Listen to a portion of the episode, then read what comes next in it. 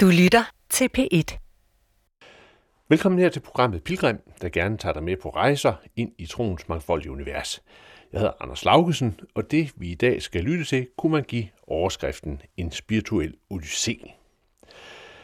Når man taler om pilgrim, så er det forbundet med tanken om, at vi rejser igennem livet med en fast identitet, men så er der perioder, hvor man kan træde ud af de faste rammer, og så begive sig ind på en vej som pilgrim, som en, der er på vej i en bevægelse, men også er under omstændigheder, der giver en vis frihed i forhold til fortiden.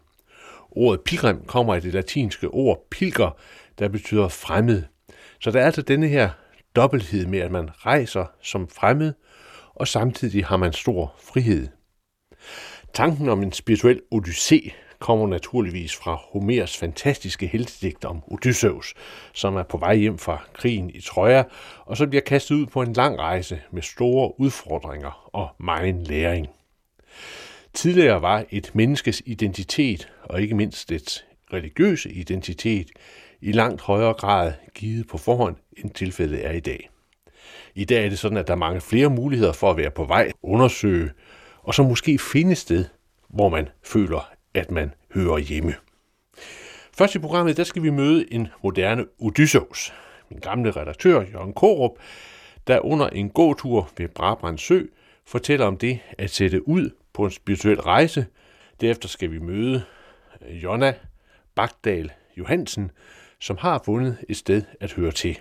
Hun er franciskansk lægesøster, og det er Malene Finger Grøndal, som har talt med hende.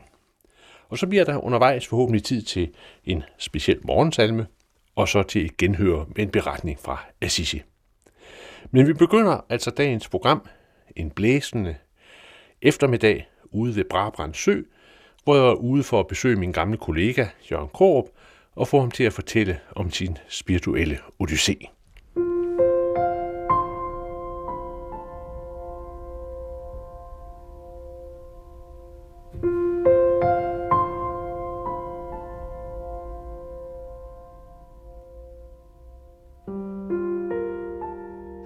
Jørgen Korup, vi øh, går ude i nærheden af Brabrandsøen. Det suser om ørerne på os, og vi er på vej hen til dit kolonihavehus herude. For øh, sådan en 14-15 år siden, der var vi kolleger op på Danmarks Radio, og du var faktisk min redaktør, min ja. trosredaktør. Ja, så forlod du Danmarks Radio, og så har vi jo sådan fulgt lidt sådan på afstand, og jeg har kunnet jagte, at du har faktisk været ude på noget af en spirituel pilgrimsvandring i de år. Ja, ja. Jamen, øh, ja, det har jeg. Øh, skal jeg bare sådan starte? Ja, ja hvad, Hvor? Hvad, hvad, hvad, hvad skete der, Jørgen?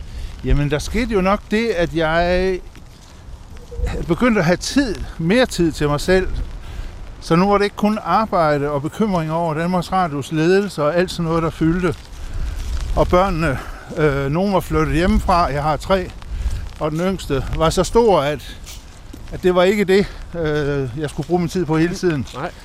Så altså helt oprindeligt, da jeg var helt ung, øh, meget ung, 16-17 år, der var jeg meget spirituelt søgende og prøvede, ja, forskellige af de her miljøer og lærte at meditere, som jeg tror, jeg var 17 eller 18, mm. transcendental meditation, TM.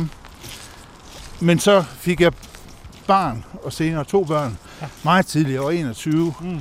Så altså, jeg har simpelthen savnet øh, spiritualitet al den tid. Og for mig har folkekirken aldrig rigtig kunnet fylde altså den savn og den længsel, som egentlig har været der, men som, som jeg ikke rigtig havde tid til at gøre noget ved, har folkekirken ikke, ikke kunnet fylde. Øh. Så da du så forlod Danmarks Radio, så var der lige pludselig tid øh, og rum og vision for, at nu, nu skulle der afsøges nogle, nogle horisonter. Ja, ja, og altså den første horisont, fordi altså jeg, jeg havde længe betragtet mig selv og også sagt, at jeg var skabsbuddhist. Mm. Og det startede i, i Bhutan faktisk, da jeg mødte buddhismen sådan i virkeligheden og i ja. hverdagen. Du arbejder der med et DR-projekt? Ja, det var, det var med Danmarks Radio, og derude. Og altså, jeg blev dybt fascineret, og altså selve det, at, at troen er en del af hverdagen simpelthen, og, ja. og hverdagslivet, og ikke noget, man dyrker om søndagen i kirken, men, men, men hver evig eneste dag. Og gør det derhjemme. Øh, har et meditationsrum derhjemme, hvor man også beder. Og, jamen det var, det var et fantastisk møde tilbage i 92, men, men som jeg så ikke, 1992, men, men som jeg som også fik lov til bare at ligge og simre. Ja. Øh, og så tænkte jeg, du kalder dig selv skabsbevidst, men du bor altså i et kristent land, mm. og måske kunne jeg noget andet, altså måske kunne jeg tilnærme mig kristendommen på en mm. ny måde. Øh, og jeg begyndte så at komme i natkirken i St. Mortens Kirke i Randers, hvor jeg boede på det mm. tidspunkt. Og det var fantastisk hyggeligt. Øh, og jeg mødte der en præst, øh, en folkekirkepræst, Line, jeg kan ikke huske hendes efternavn mere, men, men, men hun tillod, at man grinede i en kirke. ja. Det har jeg aldrig prøvet nej, før. Nej. Aldrig. Tværtimod, man skulle... Tsh, man måtte ikke engang viske. Nej. Øh, og nu måtte man både grine, og man måtte give hinanden knus, og vi sang, øh, ja. Taizé-sang og mm. alt muligt. Ja. Så jeg tænkte, okay, der er altså... Det er åbenbart ja. lidt forskelligt, ja. hvordan, hvordan man agerer. Mm. Øh, jeg ved ikke, om vi skal sætte os. Det blæser. Jo, jeg sætter os lidt. Nu er vi kommet frem til de, ja. de dejlige, men det kommer vi tilbage til her. Øh, beskrivelsen af det her kolonihavehus her ved Brabrandsøen. Øh, men, men Jørgen, du blev så øh, en del af et, og det er et lidt svært ord, voksen... Øh... Katekommunat. Det kommer egentlig af katekismus. Jamen det opstået så der, altså ud fra natkirken, og det at lære øh, Line og forskellige andre, der kom, der var blandt andet en ung teolog, der hedder Eva, som siden blev, blev præst på Læsø, og som jeg stadigvæk ser en gang imellem. Men ud af det voksede så et ønske om at afprøve et svensk øh, koncept, som altså hedder voksenkatekommunat. Jeg kan næsten ikke sige det. Men, men som er en slags øh, voksen konfirmation, kunne man kalde det. Så, så vi gik i et år og var, var så dem i Danmark, der skulle afprøve det. Det var ikke i Folkekirkens regi, det var, jamen jeg tror, det var mere eller mindre øh, altså interesse for at prøve noget nyt. Øh, så det var sådan mit, mit forsøg på, at når jeg nu bor i et kristent land, så ville det være noget nemmere, end i stedet for at adoptere andre. Øh, ja. Så, så du gik sådan set forholdsvis systematisk ind i at finde ud af, hvad handler den kristne tro om, og du kom til de der gudstjenester og fik den der på en måde også meditative fordybelse, der er i, i natkirken. Ja, altså det var jo nyt for mig, altså netop meditativ fordybelse. Jeg har mediteret ja, lidt forskelligt. Nu gør jeg det dagligt, har gjort det de sidste 12-15 år, tror jeg dagligt, men der har været mange år, hvor jeg ikke gjorde det. Men for mig var meditativ fordybelse noget helt nyt i kristen og folkekirkeregi. Øh, så, så ja, det bekom mig rigtig vel. Men jeg må så desværre sige, efter det år i, i, i lære som kristen, at, at, at jeg, måtte, jeg måtte sande, at det er altså ikke, det er ikke min vej. Øh, jeg tror, det er meget det der med synd. Øh, jamen, jeg kan bare ikke, jeg kan hverken forstå det, og jeg kan heller ikke rigtig acceptere det. Hvad, hvad var det, du ligesom, øh, altså, hvad var det, du oplevede, som, som, som ikke helt passede med det, der, det, der var dig og din, øh, sådan, øh, ja, Puh, jamen det er, jo en, det er jo i virkeligheden en lang historie så, men jeg synes, der er for mange ting, som jamen, bliver til sådan en slags regler. Jamen, jeg kan huske en af de ting, som virkelig stødte mig, som, som, som vi diskuterede meget. Altså det er fra det gamle testamente om, at, at Gud skabte menneskene til at herske over jorden og, og også over dyrene. Og det vil sige, at vi skulle være øh, højere altså, og mere værd, og klogere, og alt muligt andet.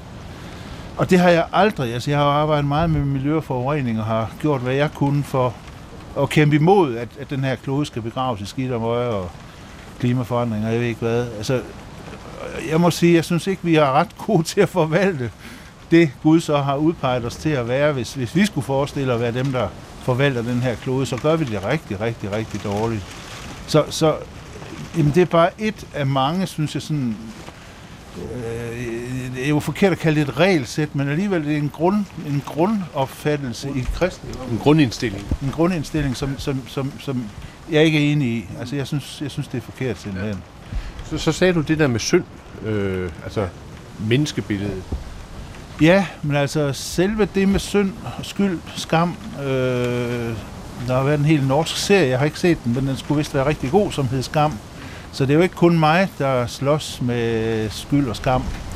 Og, jeg, for mig at se, og det hjalp det der år ikke rigtigt på at få rettet den opfattelse op, så, så er den kristne i hvert fald vesteuropæisk, i hvert fald efter Luther, i hvert fald i Danmark, øh, kristendom, den er, er, er meget styret, og det kender jeg så også fra min egen opdragelse, af, af, af skyld og skam. Og det, det, det er simpelthen nogle grundbegreber, som jeg synes, som jeg synes, det handler om at komme væk fra, altså, og som det handler om at sætte sig ud over, som, altså medfølelse, som jo er et af grundbegreberne i buddhisme, siger mig meget mere, og jeg synes, det, det minder jo så om det kristne næstekærlighed. Øh, de er absolut fædre og kusiner, eller hvad de nu er. Øh, men, men ja, blandt andet hjulpet af, af Bhutan, og det lykkedes mig så i øvrigt også for lige at springe væk. Jeg ved ikke, om vi skal blive mere i den, den kristne der, men, men fordi jeg bevægede mig simpelthen væk af egen drift øh, fra det.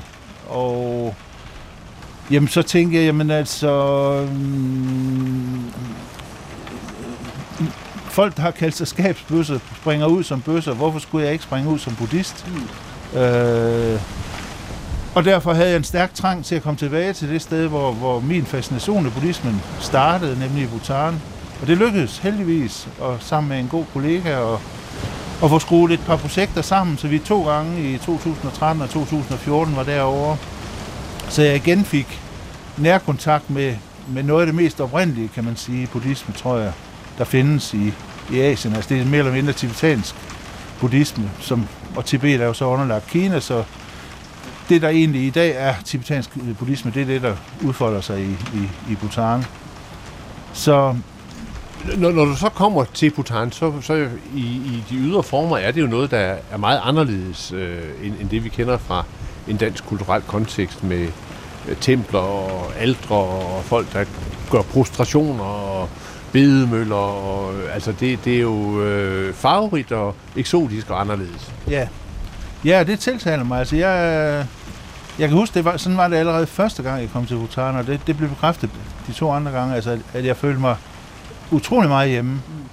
Meget underlig følelse, at, fordi det netop er så meget, meget anderledes. Det er et, bjerg, et bjergejen i Himalaya, bjergland i Himalaya, og folk går i princippet underligt klædt, i hvert fald i forhold til os, eller også er det os, der går underligt klædt.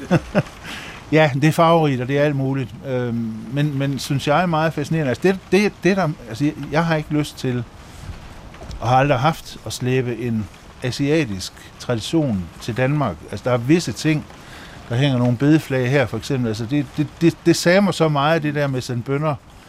Lad, lad de her flag hjælpe med at sende bønder til himlen, at, at dem har jeg altså taget med hjem. Men, men ellers, så, nej, så synes jeg ikke, man skal slæbe en asiatisk øh, religion fuldstændig uforarbejdet ind i, i Danmark. Men, men, men Jørgen Kroh, hvad gjorde du så for, man så at sige, rigtigt at springe ud? Fordi en ting er at komme på besøg i, i Bhutan og, og se det sådan lidt som, som besøgende, ikke? Men altså, øh, hvis du virkelig skulle springe ud som, som, som buddhist, så, øh, så skal der jo mere til.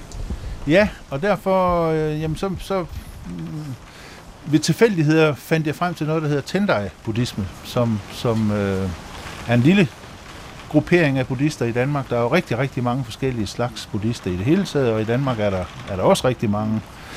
De fleste har ikke hørt om Tendai, men det er sådan en, ligger, ligger tæt på Zen, som mange har hørt om, Japansk. og kommer fra Japan begge to. Øhm, og jeg kunne utrolig godt lide øh, hende, der har startet øh, Tendai, introduceret det i Danmark, og dengang var, og, og vil stadig, tror jeg, er en slags leder af det, eller hvad man nu vil kalde det. Øh, Pia Trans Shogun på japansk. Så, så jeg tænkte, nah, nu har jeg gået i, i voksenkommunat, nu, er, nu må jeg gå i, i præsteskole. Og det, øh, det var ikke noget, man bare lige gør. Altså, det, var, det var noget, Pia tilbød mig ret hurtigt, efter vi havde lært hinanden at kende. Og så tænkte jeg, ja, altså det, det, det skal jeg prøve. Altså, I lærer som buddhistisk præst? Ja, ja. I en meget, meget, hvad skal man sige, omgjort måde, fordi det var sådan nogle korte retreats på noget med 12 døgn, tror jeg det var, og så nogle weekender, og så i løbet af en tre år eller sådan noget i den retning.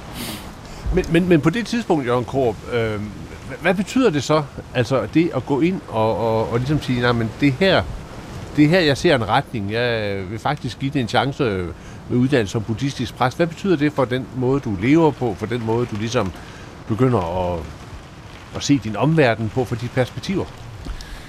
I, jeg tror lige, vi skal få sluttet den der præstuddannelse, ja. fordi jeg, jeg sprang så fra meget hurtigt. Altså, jeg, jeg gennemførte de, de 12, første 12 døgn, og måtte så sige, nej, det var ikke den rette vej heller. Så, så Tendai-buddhismen har jeg, hvad skal man sige, er jeg meget langt ude i periferien af nu. Og jamen, grunden til det var og er, at, at der er rigtig mange, ligesom, ligesom jeg synes, der er lige lovlig mange sådan dogmer og faste ritualer, og man skal, og man skal, og man skal i folkekirken og under en gudstjeneste. På samme måde er der i jamen, alle de buddhistiske retninger, jeg har mødt i Danmark. Altså, de er mere, synes jeg, dogmatiske end dem, jeg har mødt de steder, buddhisterne kommer fra, eller buddhismen kommer fra. Og, og, det, og det har jeg det også svært ved. Så, så der er et eller andet med mig og, og, og, og sådan nogle faste regler. Jeg, jeg, jeg kalder mig selv spirituel anarkist på et eller andet tidspunkt, og det tror jeg faktisk passer meget godt. Øh, en gang, kan jeg huske, jeg mødte en ude på Gomde, som så er et, et tibetansk buddhistisk sted her i Danmark. Øh, og hun spurgte sig ind til Tanda, til mig, og ligesom du gør nu, og det endte så med, at hun sagde, at jeg tror, jeg tror bare, vi skal kalde dig en fri buddhist. og det, eller, jeg, jeg tror egentlig mere på det, altså mere altså spirituel, hvad hedder det, spirituel anarkist. Jeg synes, der er rigtig mange gode ting i buddhismen, men jeg har det rigtig svært, når man, når man importerer og sidder og laver mantraer på, på tibetansk i, i, i Danmark. Altså, ja. Men, men, men vi sidder jo altså alligevel her, og, og de der øh, røde og grønne og gule og hvide bedeflag, hvor der så er øh, trygt tibetanske bønder på. De sidder og blaffer, og vi kan se et par buddhaer. Bagved os er der en, en, øh, en dødsbuddha, der ligger der i, i, på langs øh, i guld, og derovre så er der sådan en i... Øh, en, en, en stenbuddha, ikke? Altså, der, man kan jo se, at der er jo alligevel sådan en eller anden buddhistisk stemning. Altså, blev det så til, at du faktisk øh, fandt en, en måde at være Altså, ikke bare skabsbuddhist på, men også være, være, være, være almindelig buddhist på. Ja, det synes jeg. Altså, jeg, jeg fik sådan en, en, en, en slags, en lille åbenbaring. Nu skal jeg ikke bruge for store ord, men en lille åbenbaring faktisk ude på Gomle. Hvor det, der kom, det var, tag det, tag det du kan bruge. Øh, og det er det, jeg gør. Altså, der er en del, jeg ikke er så vild med, og så er der rigtig meget, jeg kan bruge også i hverdagen, og det er nok det, der betyder mest for mig, altså at, at, at få troen ind i hverdagen. Hvordan giver det sig så udtryk, altså i forhold til den der, hvad skal vi sige, kristne kattekommunat, du er med ind i. Hvad er det så, du har fået ind i, i hverdagen ved, at du har så nærmet dig øh, det buddhistiske, altså gået ind i det buddhistiske? Så det er en fast daglig rutine for meditation, som, som jeg i hvert fald ikke kender ret mange kristne, der gør. Jeg kender en enkelt, der sidder over for mig lige nu, men ellers er der ikke så mange.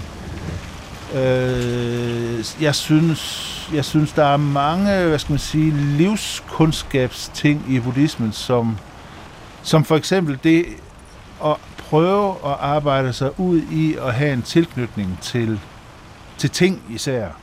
Jeg synes, jeg, jeg har svært ved ikke at have en tilknytning til mennesker, jeg holder af, og det kan jeg heller ikke helt se, hvorfor jeg ikke skulle have.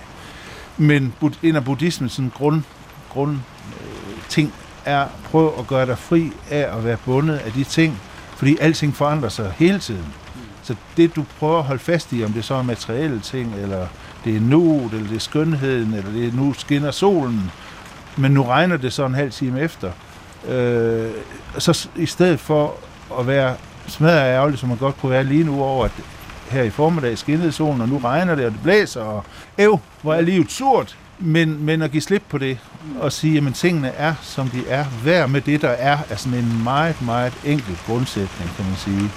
Øhm, og altså, jamen, jeg laver nogle meget enkle lysceremonier, blandt andet sammen med min kæreste, som egentlig har på en måde rødder i buddhismen, men omvendt er der ikke nogen, jeg kender i hvert fald i de buddhistiske retninger i Danmark, der gør det på den måde. Så, så jeg tager sådan det, jeg synes giver mening, og ja, omsætter det til så meget ind i hverdagen som overhovedet muligt.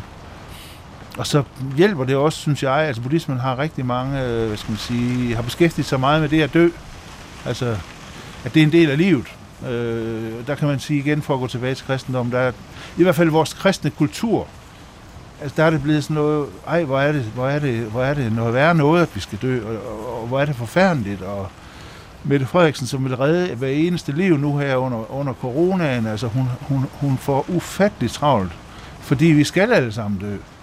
Øh, og ikke for hermed at kritisere coronaindsatsen, men, men jeg tænker da en gang imellem, at altså, alle mennesker skal dø. Jeg så en læge, Kristi Dagblad, skrive, jamen, hvis man nu ikke gjorde alt det her, hvad skulle man så gøre? Jamen, hvad, hvad vil du kalde det? Så vil jeg kalde det naturlig afgang. Og han var læge, det var i forhold til coronaindsatsen. Nå, men det var egentlig for at sige, at, at buddhismen har øh, beskæftiget sig rigtig meget med døden, øh, og hvordan vi skal herfra, og igen det der med ikke at være tilknyttet de ting, som man så jo altså nødvendigvis må sige farvel til den dag, man ikke er på denne klode længere. Øh, og det, det synes jeg også er noget af det, jeg kan bruge fra buddhismen, at der er mange flere klare jeg skal sige, retningslinjer, eller, eller ikke, det er det ikke, for det er ikke retningslinjer, det er, det er vejledning, vil jeg kalde det. Det er, altså Buddha siger, siger grundlæggende, øh, test de ting, der er i buddhismen. Find ud af, om det giver mening. Hvis det ikke giver mening, så lad være med at bruge det. Det synes jeg er en anden måde, end jeg har mødt kristendommen på. Altså det er meget med at tro på det her. Altså det, det skal du. Øh, det siger Buddha ikke. Buddha siger, nej, tag, tag hvad du kan bruge, øh, og, og sæt spørgsmålstegn ved det, være kritisk. Hvis du ikke kan bruge det, eller hvis det lyder tosset, så smid det ud. Så der er mere plads til den anarkistiske natur. Ja, det synes jeg. Det synes jeg, der er. Ja. Men altså, jeg er ikke færdig. Altså, jeg kender jo heldigvis et par stykker, som snakker om, at kristendom og buddhisme har rigtig mange ting til fælles. Det er så nok kristendom i en anden udgave, end den vi som oftest møder i folkekirken. Øh, og det synes jeg, der er enormt spændende. Jeg, jeg tror ikke, jeg er færdig med min, med min pilgrimsvandring på den måde. Og, og altså, vi har lige snakket, du og jeg, om, at vi begge to er fascineret af Japan og japanere.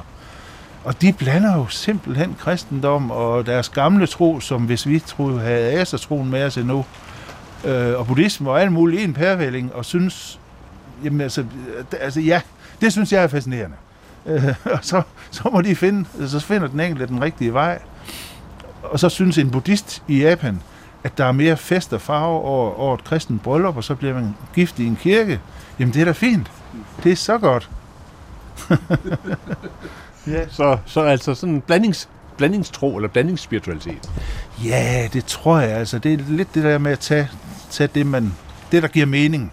Og så i stedet, altså, verden har jo haft tonsvis af religionskrige, og vi har det til dels stadigvæk, i hvert fald med muslimerne herhjemme og i den vestlige verden. Jamen hvorfor, hvorfor ikke forene det bedste af, af de mange gode ting, der er i alle de her religioner?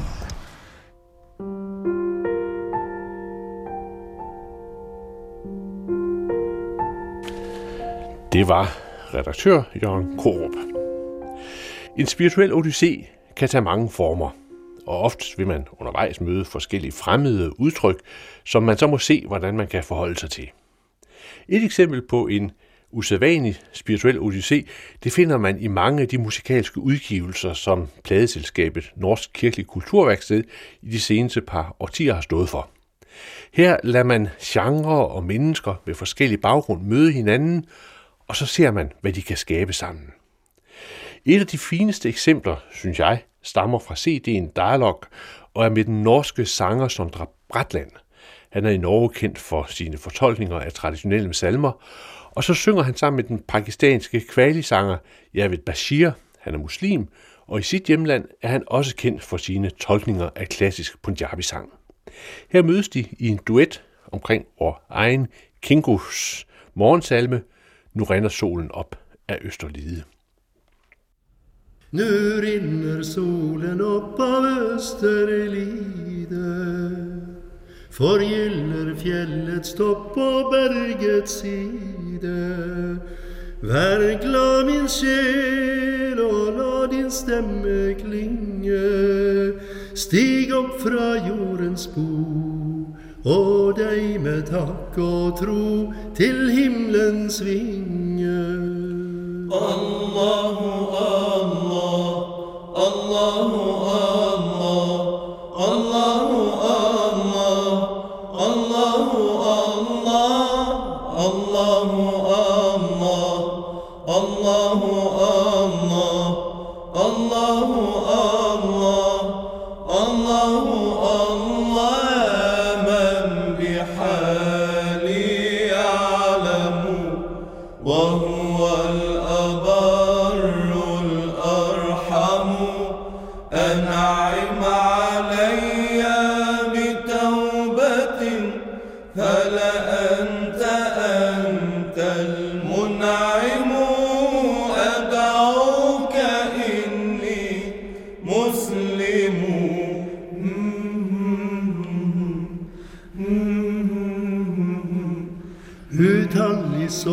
sand och utan måte som havets djupe vann är Herrens nåde som han mitt huvud daglig överger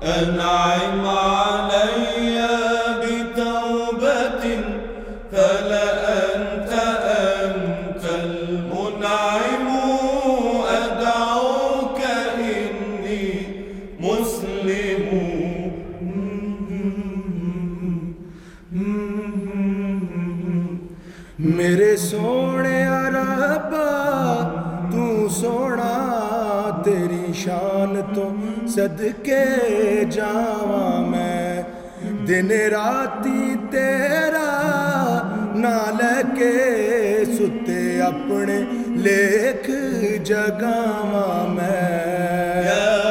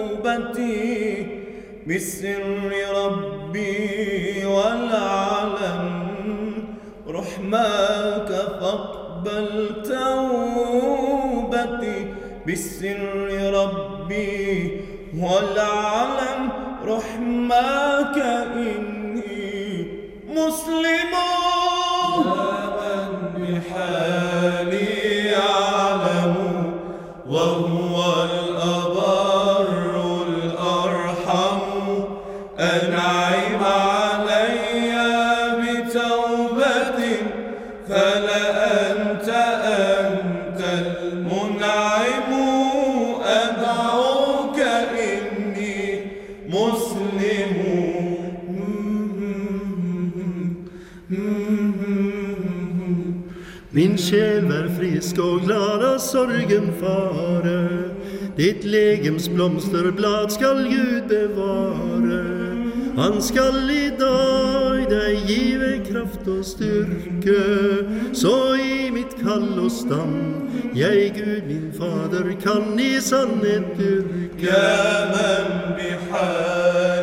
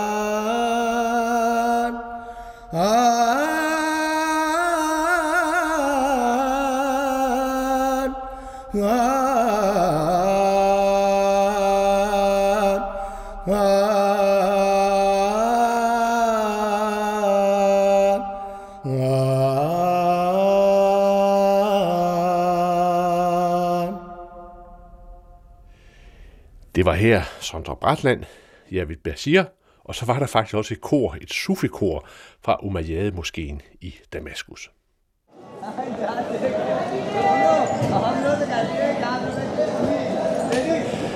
Det vi hører i baggrunden er lyden fra en indisk banegård. Der er intet sted, det myldrer af liv, som på en indisk banegård. Omkring et års tid har jeg brugt på min spirituelle odyssé i Indien. Og jeg er i dag dybt taknemmelig for møder med mennesker og miljøer og stemninger i Indien. Særligt så husker jeg møderne med saduerne, de omvandrende asketer. Og dem møder man tit på banegårdene. De er på vej fra et helligt sted til et andet helligt sted i en tilsyneladende uafbrudt bevægelse. Nogle gange flygtige og så alligevel nærværende og åbne over for det øjeblikket måtte bringe. Når man sådan sidder på en banegård i Indien med rygsæk, vandflaske med renset vand og så et godt tykt pengebælte inde på maven, så kan man ikke undgå andet end at føle sig som en ren tryghedsnarkoman.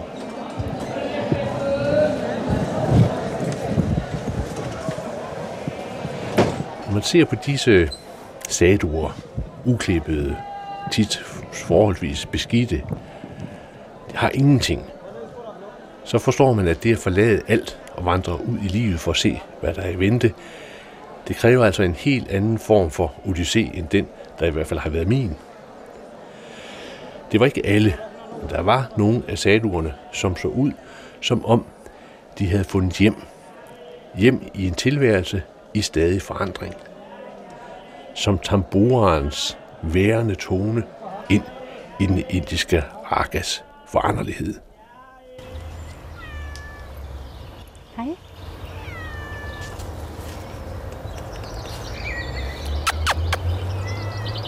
Kom så. Kom så. Tag det.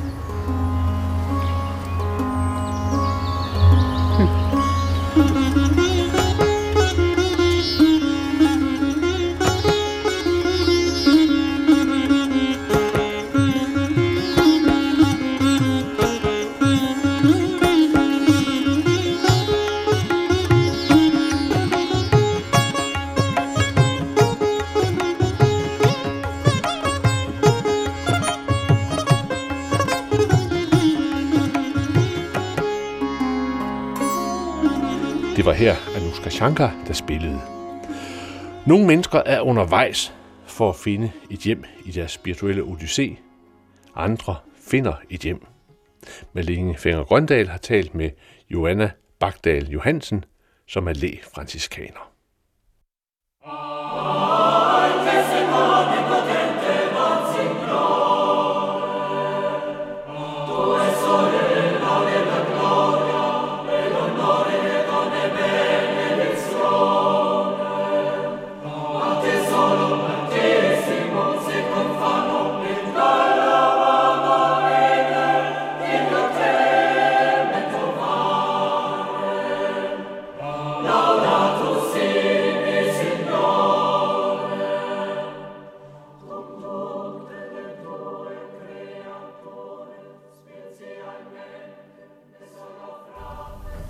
Jonna Bagdal Johansen. Vi sidder her i dit øh, dejlige hjem på Østerbro, og øh, da jeg kom, var I ved at reparere, din mand og dig ved at reparere din, øh, din rosenkrans, mm. og hvis man kigger rundt, så kan man også se, at der er sådan, der er forskellige ting, der afslører, at øh, I er katolikker. Ja. Og du er også det, der hedder sekular franciskaner. Og det tror jeg, der vil være rigtig mange lyttere, der tænker, hvad for en fisk? Hvad er det for noget? Kan du, kan du beskrive, hvad det vil sige at være sekular franciskaner? Det er, at øh, man er øh, betaget af den hellige Frans øh, mere end bare i overfladen. Det er ikke bare en, altså en overfladisk betragtning og en overfladisk holdning, men at man går ind i hans budskab og dykker ned i hans øh, historie og den spiritualitet og i vores sekulære regel.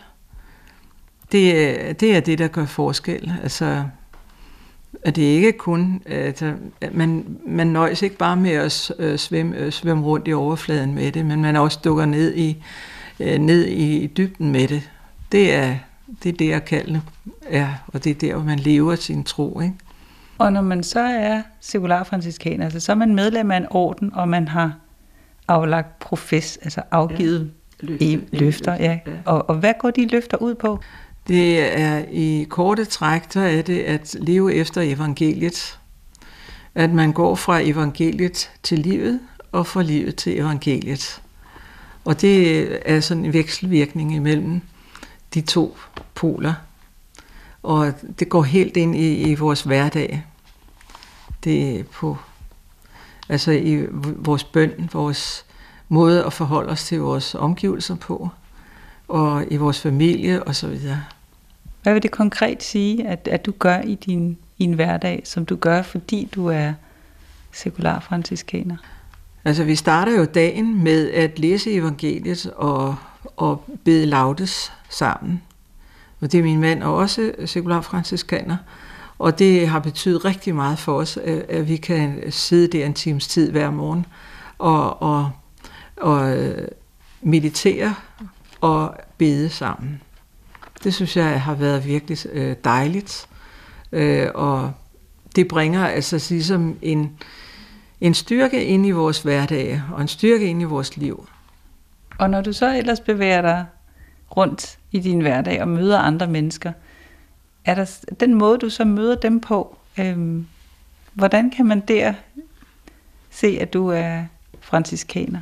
Hvordan møder du andre mennesker øh, med det franciskanske, den franciskanske spiritualitet? Altså, jeg kan sige, hvad jeg ikke gør. Jeg, jeg går ikke hen øh, med Bibelen under armen og begynder at prædike for folk.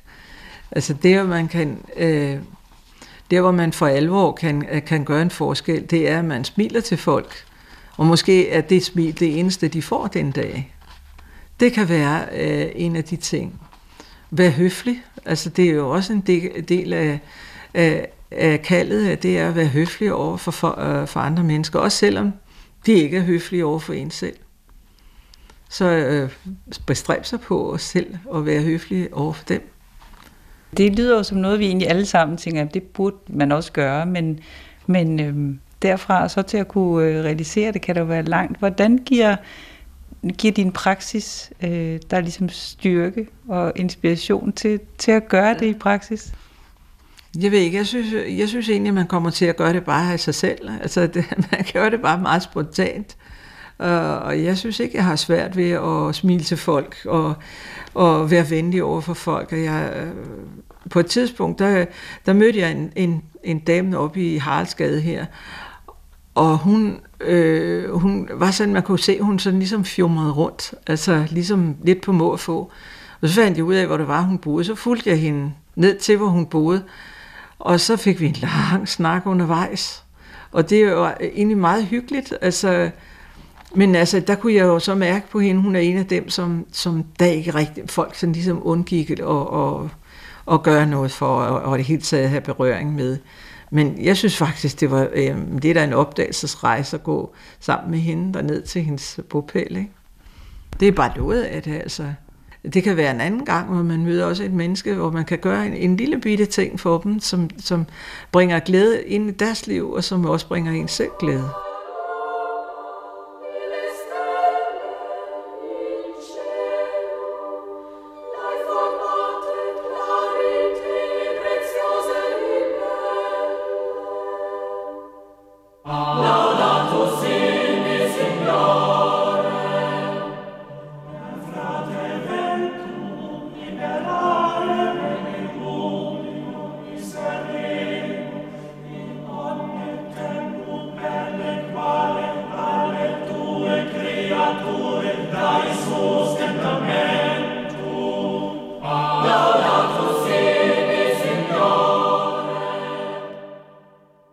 Beskriver det sådan, så kan man sige, så, så er det jo nemt at genkende, så at sige, både Jesus, der, der går langt med mange mennesker, mm. øhm, som han ikke kender på forhånd, og det galt jo også Frans, altså, som ja. vandrede omkring der i, i Umbrien og, og mødte mennesker på en i virkeligheden helt ny måde i forhold til, hvad man ellers gjorde i kirken dengang. Og øhm, der er jo mange forskellige historier om Frans, øh, men jeg ved, der er en historie, der siger dig også særligt meget, øh, hvor, han, hvor, man ligesom, hvor han ligesom beskriver, hvad det er, der er kernen i, i hans spiritualitet? Altså en af de, øh, de, de historier, som jeg synes, der er, der er faktisk et par stykker, som jeg synes, der er meget spændende. Og den ene historie, det er jo at, at den her, der hedder Den glæde, der er. Altså, hvad er den største glæde, man har? Øh, det er, øh, da Frans han øh, vandrer øh, med en af sine brødre, og så gik han, de og snakkede om, hvad den største glæde er. Og så siger Frans, ved du, hvad den største glæde er? Det er, hvis man går om vinteren, når man skal hen til sit kloster.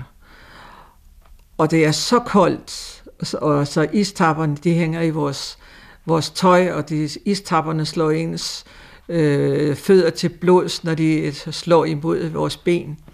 Og vi så kommer til klosteret, og vi så bliver smidt ud, og der bliver, øh, bliver skældt ud til alle, øh, til al, øh, altså at vi bliver skældt ud og smidt ud, så skal man glæde sig, fordi hvis man så ikke bliver sur, og man bliver vred over det, så skal man glæde. Det er den største glæde.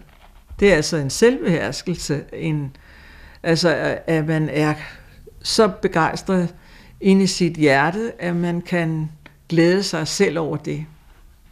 Det er jo nok for mange mennesker på en måde fremmed, det der med, at man, når man bliver behandlet på den måde, og mm. mangler det, vi måske synes hører til det gode liv, så kan være glad. Altså, hvordan er det for dig at omsætte den spiritualitet til et liv i, i Danmark øh, nu 2021, hvor, hvor mange af os er optaget af også af de materielle goder, og af sikkerhed og tryghed, og af at blive behandlet respektfuldt af andre? Det er altså det med at for eksempel at, at øh, øh, sætte sine, øh, eller hvad skal man sige, sætte, sætte sine øh, øh, materielle øh, goder lidt øh, på pause, kan man sige. Det er for eksempel, at man, at man overvejer mere om, om, hvad man egentlig har brug for. Og at man, det, man ejer, det er noget, man kun har til låns. Det tror jeg, det, det er nok det, man øh, skal tænke mest på. Altså, at man ikke binder sig for meget til materielle goder. Man kan glæde sig over det, men man skal ikke binde sig til det. Og det tror jeg, at det betyder noget, at man ikke bare binder sig til, til penge, til, øh, til alle de der glæder og goder, man har. Men nogle gange kan man også sige, det er jo også surt at undvære det, men så får man nogle andre glæder i stedet for. Og det er nok der, man skal prøve på at, at få øje på de glæder, man så får i stedet for. Og hvad er det for glæder, man får i stedet for? Altså man kan jo øh, se på øh, de glæder, man kan få i stedet for. Det kan også være erfaringer, man får. Altså hvis man har nogle, nogle øh, rigtig dårlige oplevelser, så man bagefter siger, hvorfor skulle man egentlig opleve det her? Og hvorfor skulle man egentlig øh, se, at andre mennesker de får problemer, som, som øh, virker fuldstændig absurde? Men når man så kommer på afstand af det, så kan man se, at man får nogle erfaringer med sig, som man ikke havde før. Og så der, i de problemer, man får, der ligger der også en gave. Og det er øh, den erfaringsgrundlag, man får, som man måske slet ikke havde tænkt over, man ville få. Det er noget af det. Og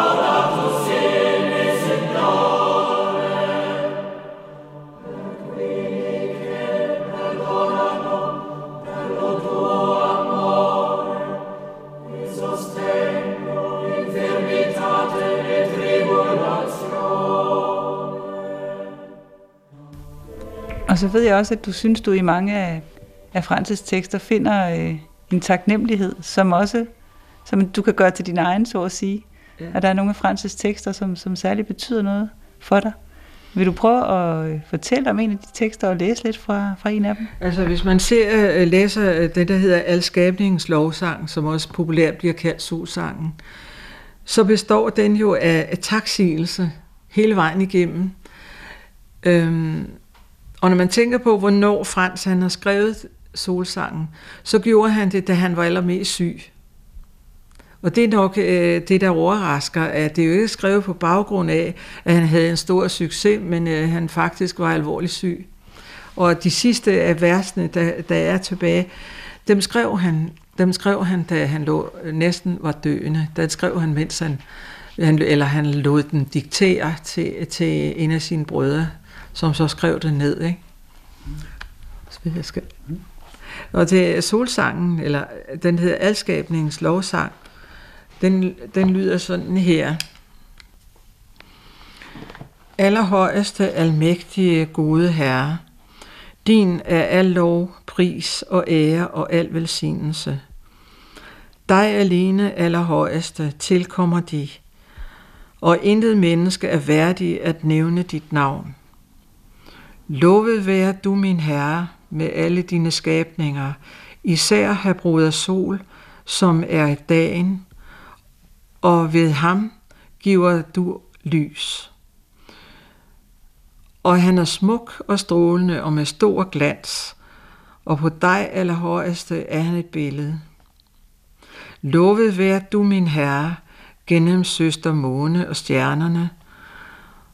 På himlen har han skabt dem, klare og kostlige og smukke. Lovet vær du, min Herre, gennem brud og vind, og gennem luften og skyerne og alt og godt vejr og alt slags vejr, hvormed du opretholder dine skabninger. Lovet vær du, min Herre, gennem søster vand, som er såre nyttig og ydmyg og kostelig og kysk. Lovet vær du, min Herre, gennem bruder ild, ved hvem du oplyser natten, og han er smuk og munter og kraftig og stærk. Lovet vær du, min Herre, gennem vores søster og moder jord, som opretholder og nærer os og frembringer al slags frugter med farvede blomster og græs. Lovet vær du, min Herre, gennem dem, som tilgiver af kærlighed til dig og udholder skrøbeligheder og trængsel. Salig er de, som udholder disse ting i fred, og for af dig, allerhøjeste, vil de blive kronet. Lovet vær du, min Herre, gennem vores søster den læmelige død, som ingen levende kan undslippe. Ved dem, som dør i dødssynd. Salig er de, som døden finder indsluttet i din allerhelligste vilje, for den anden død kan ikke gøre dem noget ondt. Lov og pris min Herre, og tak ham og tjen ham i stor ydmyghed. Amen.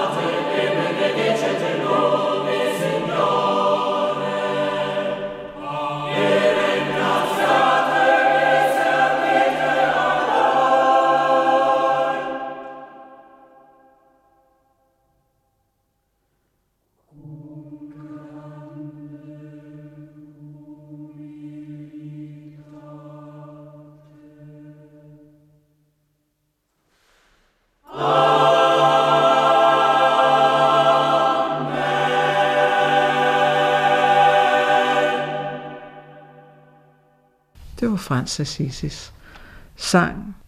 Og hvad giver den dig i dag, de her 800 år, cirka efter den øh? Jamen, den er fantastisk stadigvæk. Altså, den, den holder ikke op med at, at have sin aktualitet. Den, den er der, og den står der, og den bliver læst igen og igen. Og man kan ligesom meditere over den og se, hvilken glæde at Frans han, han eller manifesterer i den sang. Altså over hele skaberværket, der står den der så lysende og lige så frisk i dag, som den gjorde for 800 år siden. Og det synes jeg er helt utroligt. For dig, hvad er den største glæde ved at være franciskaner? Jeg tror, at det er det store åndelige fællesskab, man har med andre mennesker. Både med dem, man ikke kan med, men også dem, man kan sammen med. Det er, det er en fælles glæde, man har. Og det er jo det, der er også den fælles glæde, der binder os sammen. Og det er meget dejligt at opleve både brødreordner og søstreordner, hvor man har den fælles glæde, og man genkender hinanden og kan gå umiddelbart hen og tale med hinanden. Det synes jeg er helt utroligt. Det er det.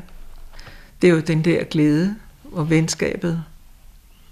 Den forekommer også inden for alle mulige andre ordner, men, øh, men hos Francis Sissi og hans ordner og øh, alle de ordner, som har, han har indirekte stiftet, der vil det være et fælles glæde.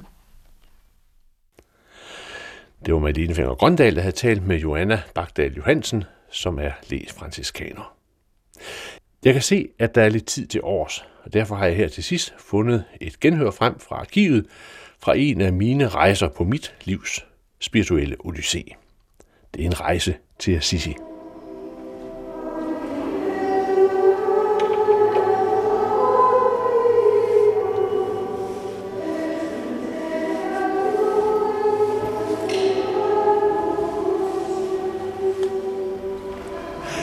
Historien om Frans startede hernede, ikke langt fra Piazza del Comune. Lige nu er tre indiske nonner i deres grå dragter og med deres sorte slør på vej hen til øh, det hus, hvor Frans efter historien er født. Lige nu er der bygget en kirke, og udenfor er der to statuer af Frances forældre. Frans blev født i en rigtig rig familie. Hans far var en af Assisis store handelsmænd, og havde specialiseret sig i at hente farvestrålende stoffer, smukke stoffer øh, fra fjerne egne og bringe dem hertil og sælge dem. Middelalderen var jo en meget broget tid. Der var rige adelsfamilier med masser af penge og land. Der var et øh, rigt øh, handelsliv, og så var der en stor skare af fattige daglejere og tigger og, og selvfølgelig også bønder. Der var stor forskel på, hvor man blev født. Hørte man til i de højere, bedre stillede lag, så var ens liv sikret. Og Frances far, den velhavende købmand Pietro Bernardone, han, øh, han var en af dem, som var med til at øh, sikre det gode liv iblandt de rige mennesker. Sikre, at moden, de flotte dragter, kunne få lov til at øh, folde sig ud også her i Assisi. I 1182, der blev Frans født. Og omkring hans fødsel er det med, som så mange andre dele af hans liv, at det er svært at skælne historie fra legende. I hvert fald hedder det, at øh, da han skulle føde, der var hans far, Pietro Bernardone, ude på forretningsrejse.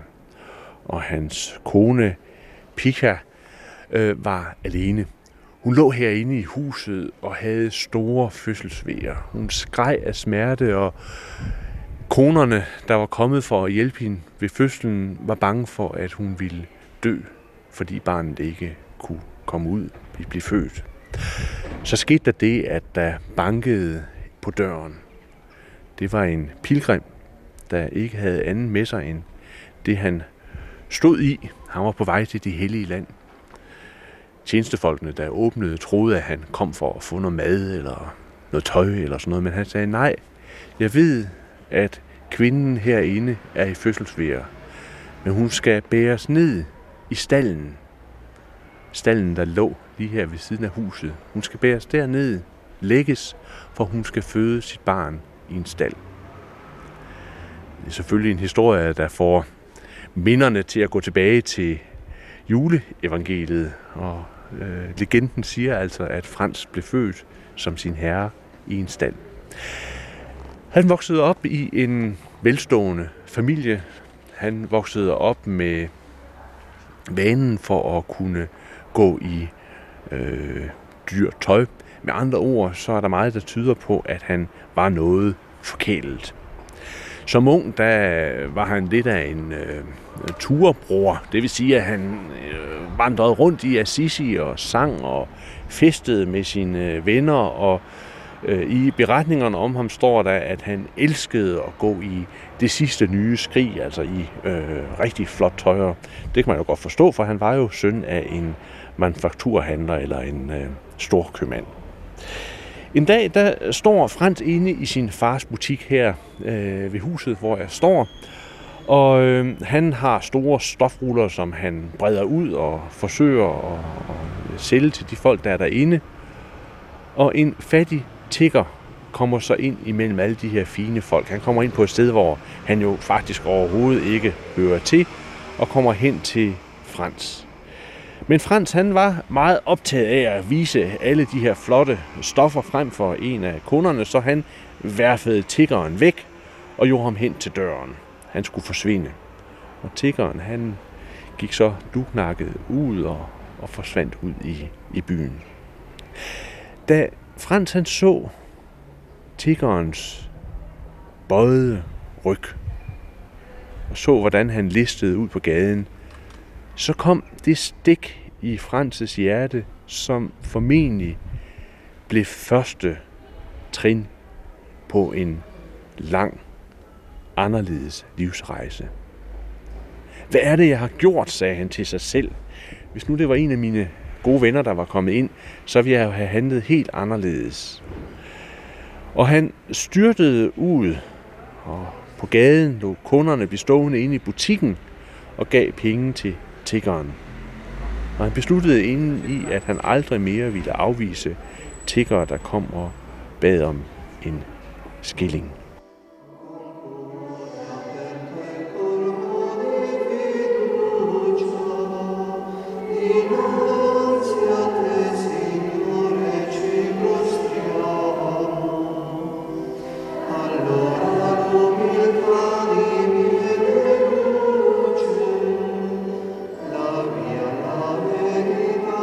Med toner fra Clarisserne i Assisi, så sluttede dagens program. Først så mødte du redaktør Jørgen Korup, derefter var det Joanna Bagdal Johansen, som er lægefransiskaner, og det var Marlene Finger Grøndal, der havde talt med hende. Her er det Anders Laugesen, der siger tak, fordi du lyttede med i dag, og måske på genhør om en uges tid. Gå på opdagelse i alle DR's podcast og radioprogrammer. I appen DR Lyd.